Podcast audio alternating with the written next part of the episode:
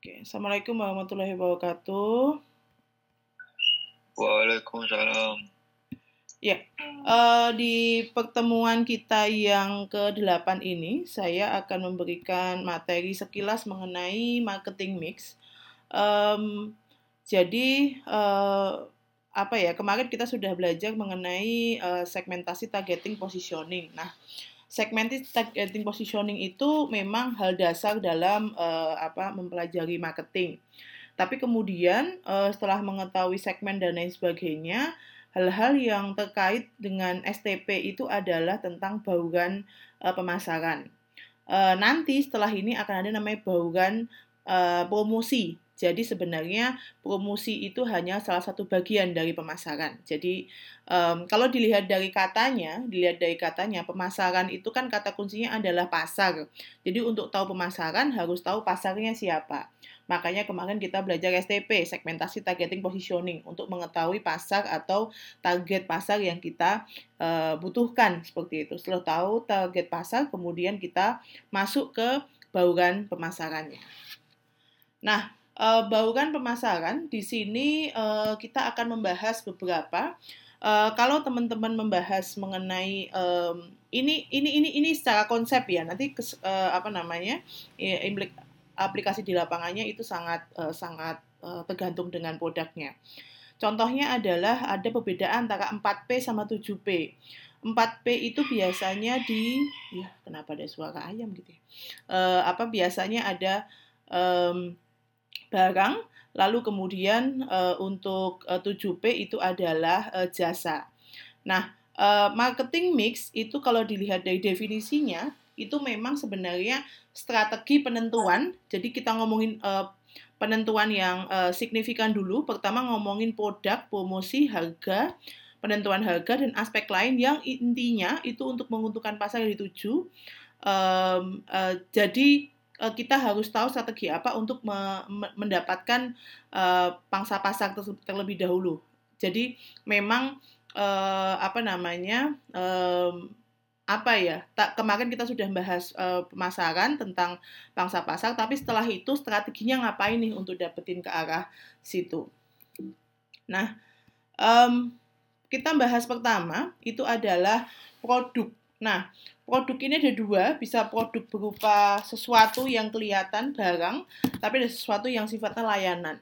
Nah, um, apa pun entah itu produk sifatnya barang maupun layanan, tapi kalau ingin menentukan sebuah produk yang arahnya itu laku, itu produk itu harus memberikan manfaat gunanya apa sih ada produk tersebut membuat orang lebih mudah nggak hidupnya atau malah mempersusah kayak gitu nah atau kemudian memenuhi kebutuhan kita tahu minimal kebutuhan itu ada dalam uh, Maslow hierarchy of need itu uh, dari tahap yang paling bawah sampai paling atas jadi kalau ada yang ngomong apa sih gunanya uh, tas harganya 2 miliar gitu. Ya itu namanya kebutuhan. Kebutuhan apa? Kebutuhan di tahap paling atas yaitu adalah pengakuan. Nah, seperti itu. Itu namanya tetap kebutuhan atau kemudian dapat memuaskan konsumen. Contohnya ya tadi kebutuhan tapi kemudian tahap yang dicari itu memuaskan konsumen. Dalam hal ini adalah uh, apa ya kebutuhan batin bukan barang. Uh, kalau kita ngomongin tas di benak kita adalah uh, sebuah barang yang membantu kita membawa barang gitu. Tapi kalau untuk memuaskan konsumen ya kadang-kadang tasnya cuma sekecil sekecil gini tapi harganya bisa ratusan juta. Nah, sama halnya dengan um, um, uh, pelayanan gitu. Contohnya kalau kemudian kita ngomongin Gojek, uh, salah satu yang menarik dari ceritanya Nadiem Makarim itu, uh, well dengan berbagai macam kebijakannya, saya lebih suka melihat Nadiem sebagai founder of Gojeknya gitu um, uh, Nadim menceritakan bahwa kenapa dia membuat Gojek berawal dari dia melihat bahwa sebenarnya banyak um, sebenarnya di Indonesia itu kan transportasinya belum seperti di luar negeri di mana akses itu sangat mudah. Kenyataan di lapangan kalau kita berhenti di sini jalannya sangat jauh untuk sampai rumah kita. Sehingga keberadaan ojek itu sangat penting. Tapi ojek itu cuma ada di pool-poolnya saja atau di pangkalan ojek gitu. Nah, uh, gimana caranya kemudian bisa mengaksi, uh, memastikan bahwa uh, semua tempat terakomodir oleh ojek, makanya kemudian dia membuat aplikasi. Nah, aplikasi itu yang kemudian memenuhi adanya kekosongan, kebutuhan, uh, dan kemudian dia memenuhinya. Jadi ada ada demand di sini, ada kebutuhan di sini, ada permintaan. Nah, dia sebagai sebuah layanan itu mengakomodirnya. Seperti itu. Nah, customer itu membeli fungsinya. Nah, fungsi itu yang kemudian kita kita kalau kita bahas dalam Maslow itu banyak sekali. Yang kemudian uh, saya lebih suka mengatakan uh, uh, apa yang kita uh, uh, apa ya beli konsumsi saat ini itu adalah kebutuhan tapi tidak semuanya sifatnya adalah physically, literally adalah um, gelas. Contohnya nih, saya punya gelas. Gelasnya ini nggak ada mereknya, tapi uh, well teman-teman pernah uh, ke Starbucks. Nah, di Starbucks itu banyak sekali gelas yang tulisannya Starbucks London, Starbucks Paris dan lain sebagainya. They buy the product also the brand. Nah, itu yang kemudian kemarin saya bahas tentang brand itu karena memang e, ketika berbicara tentang e, kebutuhan, nah kebutuhan tiap orang tuh beda. Nggak semua orang itu e, cukup dengan gelas gas apa namanya gelas tanpa merek seperti ini. Bisa ya kemudian butuhnya untuk apa pun, contohnya untuk konten dan lain sebagainya itu masuk dalam kebutuhan. Nah itu yang kemudian um, produk itu harus jelas. Setelah kemudian uh, nomor satu produk, berikutnya itu adalah price. Nah price ini kalau saya bisa perkatakan adalah suatu hal yang tricky. Kenapa? Karena e, tricky karena kalau mahal nggak e, nggak nggak nggak laku, belum tentu laku, kalau murah juga belum tentu laku. Kebayang nggak tiba-tiba tiba-tiba e, apa namanya e, suatu brand yang menengah ke atas tiba-tiba contoh deh contoh kemudian handphone handphone iPhone 2 uh, iPhone 12 eh, kemudian jadi harganya 1 juta gitu.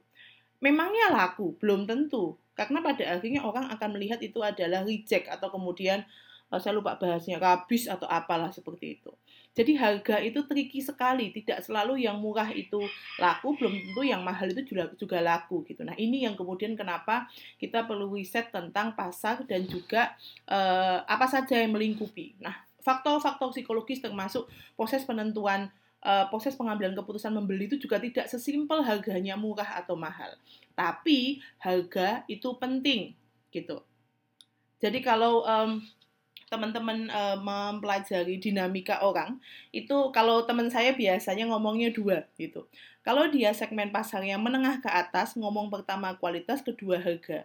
Tapi kalau dia menengah atau menengah ke bawah, pertama harga, kedua kualitas kayak gitu. Nah itu itu cara menempatkan prioritas saja sih yang kemudian menarik. Tapi is it benar atau enggak sih? Sebenarnya kalau saya sih lebih kepada um, ya kenyataan di lapangan sih hampir mendekati kondisi itu. Dari itulah kemudian harga itu adalah salah satu faktor. Jadi bukan uh, faktor utama gitu. Apakah kemudian semua barang murah yang ada di Indomaret, yang ada di uh, apa namanya di Alfamart itu kalian beli kan enggak gitu loh. Jadi tidak kemudian sesimpel harganya murah kita beli gitu. Karena harga itu adalah faktor penentu posisi barang dan ditentukan dengan pangsa pasar, ragam produk, pelayanan dan persaingan produk kayak gitu. Jadi kalau ngomongin harga, saya biasanya set ke beberapa teman yang punya um, apa namanya um, produk gitu. Harga itu bukan uh, bukan yang utama. Penting tapi bukan yang utama. Nah itulah kemudian uh, menjadi tricky. Sesuai dengan pangsa pasarnya enggak? Sesuai dengan jenis produknya enggak? Produkmu itu punya pelayanan yang bagus apa enggak? Terus kemudian um, persaingan dengan produk yang lain gimana Um, karena uh, ketika berkaitan dengan pelayanan terutama bagi saya sendiri ketika kemarin sempat menggunakan salah satu vendor um, apa media gitu uh, apa ya pembuatan audiovisual ternyata memang budgetnya masih sangat terjangkau kalau buat saya. Tapi ada masalah dengan kemampuan mereka merespon dalam uh, uh, diskusi gitu loh. Jadi uh, diskusinya jadi uh, nggak lancar atau kemudian nanti uh, target deadline-nya nggak sesuai dengan yang kita harapkan gitu. Nah itu yang kemudian harga itu cukup berpengaruh gitu. Jadi kalau uh, for the sake of uh, perfectionist or not gitu ya, buat saya sih sebenarnya uh, harga itu menentukan pada akhirnya kualitasnya akan seperti apa gitu. Jadi um, ada yang bilang ya iyalah harga uh, ya iyalah jadinya kayak gitu orang harganya segitu gitu Pernah dengar kan kata-kata itu? Ya iyalah, kamu minta apa? Harganya cuma segitu, kamu minta kayak gini. Nah, itu kan kemudian harga menjadi ditabrak-tabrakkan terus gitu. Pertanyaannya kemudian ya e, balik lagi, kamu kamu termasuk orang yang e, e, apa ya sensitif terhadap harga atau tidak gitu. Kalau kemudian sensitif, ya berarti nggak nggak ini apa namanya e, ya sudah gitu loh. Kamu masuk di segmen mana? Kalau kamu masuk di segmen uh, uh, menengah ke atas untuk beberapa pembelian barang, paling penting adalah kualitasnya dulu, jangan harganya dulu gitu. Tapi kalau buat orang seperti saya, saya pertama adalah set the price. Saya punya uh, gambaran, oke okay, budget untuk acara saya itu segini. Berarti saya cari vendor seperti ini. Don't expect too much ke orang yang memang vendornya yang harganya segini gitu. Jadi saya nggak bisa compare sama orang yang budgetnya tiga kali lipat kayak gitu.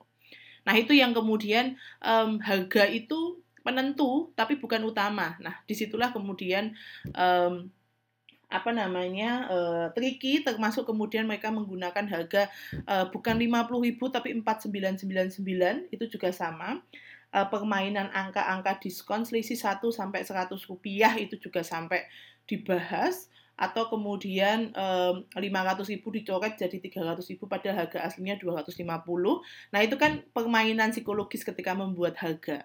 Tapi ketika kita ngomongin harga oke okay lah kita menentukan harga 100 ribu. 100 ribu itu um, untuk barang apa? Apakah benar dengan produk seperti itu akan layak di, di, diberikan harga 100 ribu? Oke layak, tapi kualitasnya bagaimana? Kita compare dengan barang yang harganya 500 ribu. Nah itu yang kemudian um, tricky kalau buat uh, saya. Berikutnya adalah place. Nah, place ini um, menarik nih ya sebenarnya karena um, place ini sekarang tuh jadi penting-penting nggak penting gitu. Oke lah, kita ngomong dalam kondisi normal dulu. Benar, lokasi strategis itu tempat salah satu keuntungan untuk menjual produk karena gampang dijangkau oleh konsumen. Tapi, dengan adanya sekarang online shop atau uh, apa ya, mungkin bukan online shop ya, lebih tepatnya uh, apa namanya toko tersebut kemudian punya uh, online shop. Pembelinya itu bisa dari mana aja tinggal kemudian uh, sesimpel uh, cari aja barang di katalog online, kemudian kita bisa dapat barangnya. Nah ini kan konsep yang uh, menurut saya marketing mix ini sangat-sangat apa ya uh, kondisional sekali gitu loh.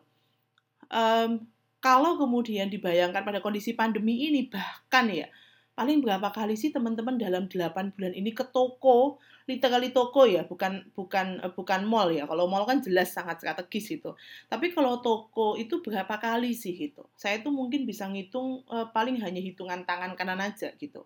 Karena apa? Karena memang kita merasa bahwa sudah semuanya ada di online. Nah, place ini kalau kemudian dalam dunia online itu bisa kemudian sekarang menjadi marketplace gitu. Jadi produkmu ada di uh, Shopee apa enggak, di Tokopedia apa enggak, di Blibli apa enggak. Nah, itu kan uh, menjadi uh, apa ya? Uh, sesuatu yang bisa kita bahas ke depan gitu. Jadi sekarang itu penting nggak sih beli tanah, beli tanah buat apa dulu gitu. Sekarang jangan-jangan semua rumah jadi toko atau semua rumah jadi kantor. Nah itu kan uh, hal yang mesti di, di, didiskusikan juga gitu. Nah um, hal yang menarik adalah tentang salah satu bank di sini ada yang kenal yang namanya Bank Genius Connect. Ada yang tahu? Iya, Bu, tahu. Hmm? Iya, Bu, tahu. Oke, tahu. Punyakah, Mbak? Eh? Enggak, Bu. oh, enggak ya. Oke. Ya, um, uh, mungkin apa suaranya di belakang bisa dimatikan dulu uh, masuk ke sini ya Mbak Putri tadi. Oke, contohnya gini, Genius Connect itu salah satu uh, fintech lah, nggak bisa dipungkiri financial technology saat ini. Nah, fintech itu uh, sebenarnya me me mengakomodir di mana semua itu adalah uh, placeless, jadi tidak ada tempat yang kemudian uh, ini kayaknya ada suara yang belakangnya belum atau mic-nya belum dimatikan ya. Siapa ya? Oke, sudah. Um, uh, jenis Connect itu uh, uh, kalau teman-teman tahu di mall-mall, ada di Hartono Mall, ada di JCM dan lain sebagainya. Yang menarik adalah mereka tidak punya bank. Mas Atarik, Halo? Halo, Mas siapa ini? Ya, uh, mungkin bisa dimatikan dulu ini ya, apa mic-nya. Um, jenis connect ini uh, menariknya adalah sebenarnya mereka tuh nggak punya bank, tapi kemudian kita tuh kayak uh, nitip aja duit di sana dengan berbagai macam produk dan lain sebagainya.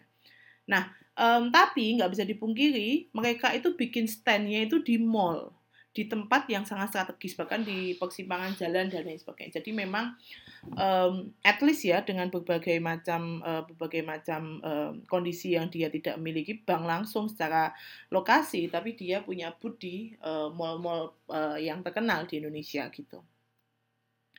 Nah berikutnya um, adalah promotion. Uh, nah promotion ini menarik sekali karena um, sebenarnya adalah promosi ini um, salah satu aktivitas yang mengkomunikasikan informasi persuasif yang menarik. Jadi uh, sebuah promosi itu harus dibuat yang menarik dan persuasif. Kalau kamu bilang produk uh, tisu ini adalah produk yang um, bisa digunakan untuk banyak kegiatan, punya membersihkan sesuatu dan lain sebagainya. Itu kan nggak menarik, nggak persuasif gitu loh. Tapi kalau kemudian dapatkan beli tiga gratis satu, itu kan sangat persuasif dan menarik. Nah itu yang kemudian kenapa bauran-bauran promosi itu harus kemudian sesuatu yang dekat dengan gambaran orang untuk mempersuasi uh, ada yang namanya call for action. Call for action ini segera um, apa dapatkan harga spesial.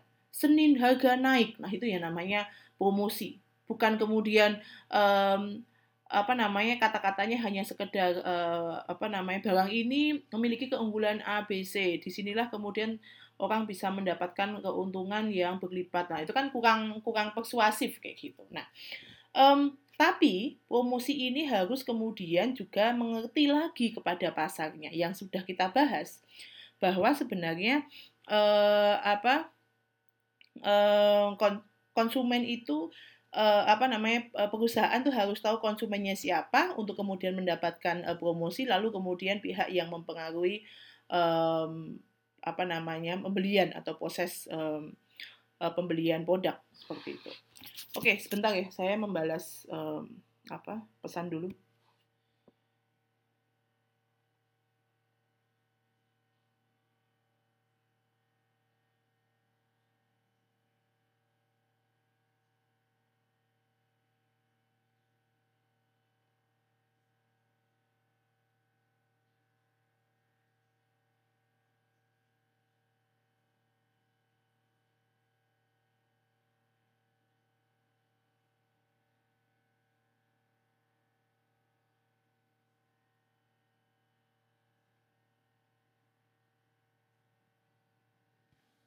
Okay.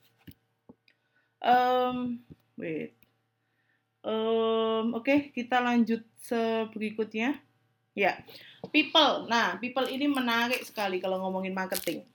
Um, hmm, hmm, manusia itu sebenarnya adalah aset utama perusahaan, terutama perusahaan jasa. Karena pada dasarnya dia itu yang menggerakkan sesuatu, dia yang punya knowledge, dia yang punya attitude yang baik. Sama halnya kalau kita ngomongin marketing, ya yang punya ide besar tentang marketing itu ya orang tersebut, yang bisa menyampaikan tentang dunia marketing itu adalah orang tersebut. Pemahaman mengenai people ini bisa dimaknai adalah seorang sales atau seorang uh, uh, apa ya orang-orang yang kemudian akan merespon uh, apa namanya um, uh, ke konsumen langsung gitu. Kalau nanti besok saya akan membahas mengenai bauran pemasaran itu tentang uh, apa namanya bagaimana bagaimana manusia itu pada akhirnya memiliki peran yang signifikan terutama dalam dunia marketing. Contohnya ketika seorang sales itu sangat bagus me menjelaskan sebuah produk, berarti dia itu yang uh, salah satu menjadi alasan kenapa produk itu laku di lapangan seperti itu. Nah, itulah kemudian uh, poin nomor 5, 6 dan 7 itu hanya ada dalam uh, industri uh, apa pelayanan. Tapi bagi saya semakin ke sini kayaknya sih marketing mix itu juga tujuh-tujuhnya itu berlaku untuk industri uh, barang juga seperti itu.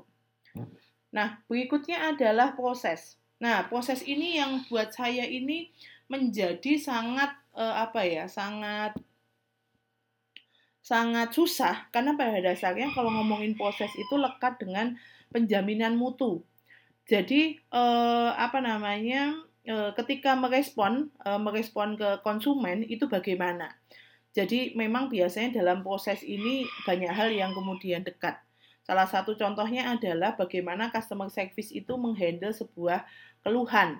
Ada SOP-nya enggak? Ada ada uh, ada tahapannya enggak kalau ini masuk dalam komplain biasa ini komplain berat ini komplain sedang termasuk konsekuensi dari komplain tersebut seperti apa sehingga ketika perusahaan tahu bahwa bagaimana cara uh, semua proses ini ini kemudian dihandle nah dia kemudian tahu bahwa yang namanya pembelian itu satu hal yang uh, apa namanya dekat dengan sesuatu yang di uh, apa dikomunikasikan gitu nah Um, berikutnya adalah physical evidence. Nah, nah ini menarik sekali nih kalau ngomongin physical evidence. Physical evidence itu atau bukti fisik itu mendukung nilai tambah karakter perusahaan tersebut. Um, contohnya, uh, kalau teman-teman jalan-jalan ke sebuah uh, uh, apa ya, sebuah uh, sebuah mall, uh, silah atau sebuah toko, silahkan perhatikan ambience-nya, suasananya, uh, apa ya uh, itu bagaimana gitu. Lalu kemudian dilihat juga ininya cat cat uh, tokonya. Lalu kemudian dilihat uh, penataannya bagaimana pencahayaannya dan lain sebagainya itu semua itu menentukan bagaimana tata uh, ruang termasuk bagaimana mempengaruhi mood seseorang jadi um, kalau kita biasanya datang ke sebuah toko, contohnya adalah iBook atau uh, dan lain sebagainya, itu biasanya akan semuanya putih, termasuk kemudian mejanya. Nah itu yang namanya ambience-nya atau semua itu disesuaikan dengan desain interior dan lain sebagainya, terutama dengan uh, pencahayaan. Termasuk What if tiba-tiba kalian besok datang ke Indomaret, tiba-tiba lampunya hidupnya cuma tiga, tengah, depan, sama belakang gitu ah saya nggak suka eh gitu. Tapi kalau kalian ke Indomaret dalam kondisi lampunya terang semua, nah itu kemudian bisa mempengaruhi orang untuk um, membeli seperti itu. Nah, um, atau bisa juga teman-teman mulai membandingkan uh, supermarket di Migota kampus dengan yang di uh, supermarketnya uh, Hypermart di Hartono Mall. Itu bagaimana penataannya, bagaimana pe, penerangannya dan lain sebagainya. Termasuk kalau di Mirota kampus itu kan tempatnya kecil sekali, space-nya untuk jalan kecil sekali. Bisa jadi kemudian kita dipaksa untuk ya udah cepet ambil aja gitu. Jadi uh, mereka biasanya menentukan uh, nya menjadi sesuatu yang memang tidak lama orang belanja di Mirota kampus itu. Jadi kalau kayaknya kalau penuh terus tuh kayaknya juga orangnya gantinya cepet banget. Nah karena memang itu bukan jenis mall yang um, apa namanya um, yang bisa lama seperti itu. Oke, okay, uh, oke, okay, uh, ada pertanyaankah tentang ini?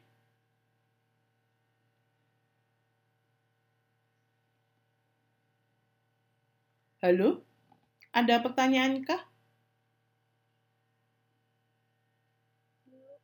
Ya? Belum, Bu. Ya, oke, okay, silahkan yang lain.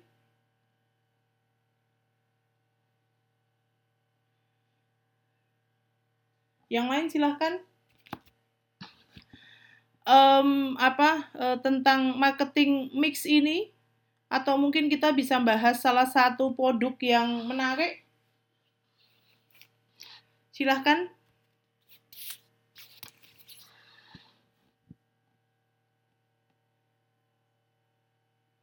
Silahkan, ada yang tanya tentang um, marketing mix ini? Kalau kemudian uh, membahas mengenai uh, marketing mix ini, memang yang paling utama itu adalah menentukan produknya dulu. Nah, dari semua sudah produknya dapat, kemudian kita punya STP, terus ya udah yang lain bisa jalan seperti itu. Nah itu yang kemudian saya um, apa tekankan seperti itu. Oke cukup nih nggak ada pertanyaan halo Nggak ada, Bu. Oke, ya. Belum ada. Ya, Eh, teman-teman, uh, jadi uh, nanti uh, minggu depan saya akan menjelaskan tentang bauran promosi. Lalu setelah itu kita akan masuk ke uh, apa namanya untuk masuk ke uh, sebuah diskusi dan nanti akan kita lihat bagaimana teman-teman mengcreate sebuah uh, apa uh, bauran pemasaran itu seperti apa gitu. Jadi biar tahu um, apa kalau kemarin kita bahas STP-nya, tapi kalau ini kita lebih lanjut membahas mengenai uh, pemasaran dan promotional mix-nya gitu. Jadi uh, biar uh, apa ya gambarannya itu ter, terbuka lebar seperti itu. Oke, teman-teman, uh, jika tidak ada, uh, sepertinya kita akhiri saja. Jadi ketemu kita minggu depan, hari Kamis, minggu depannya lagi uh, hari Sabtu itu saya uh, akan um, eh kok Sabtu sih? Jumat. Jumat saya akan uh, jadi seminggu depan kita ada dua kali ke apa uh, dua kali kelas. Um, apa namanya um, nanti biar kemudian bisa lebih uh, cepat untuk sesuai uh, selesai dengan uh, tenggat waktu yang lain. Seperti itu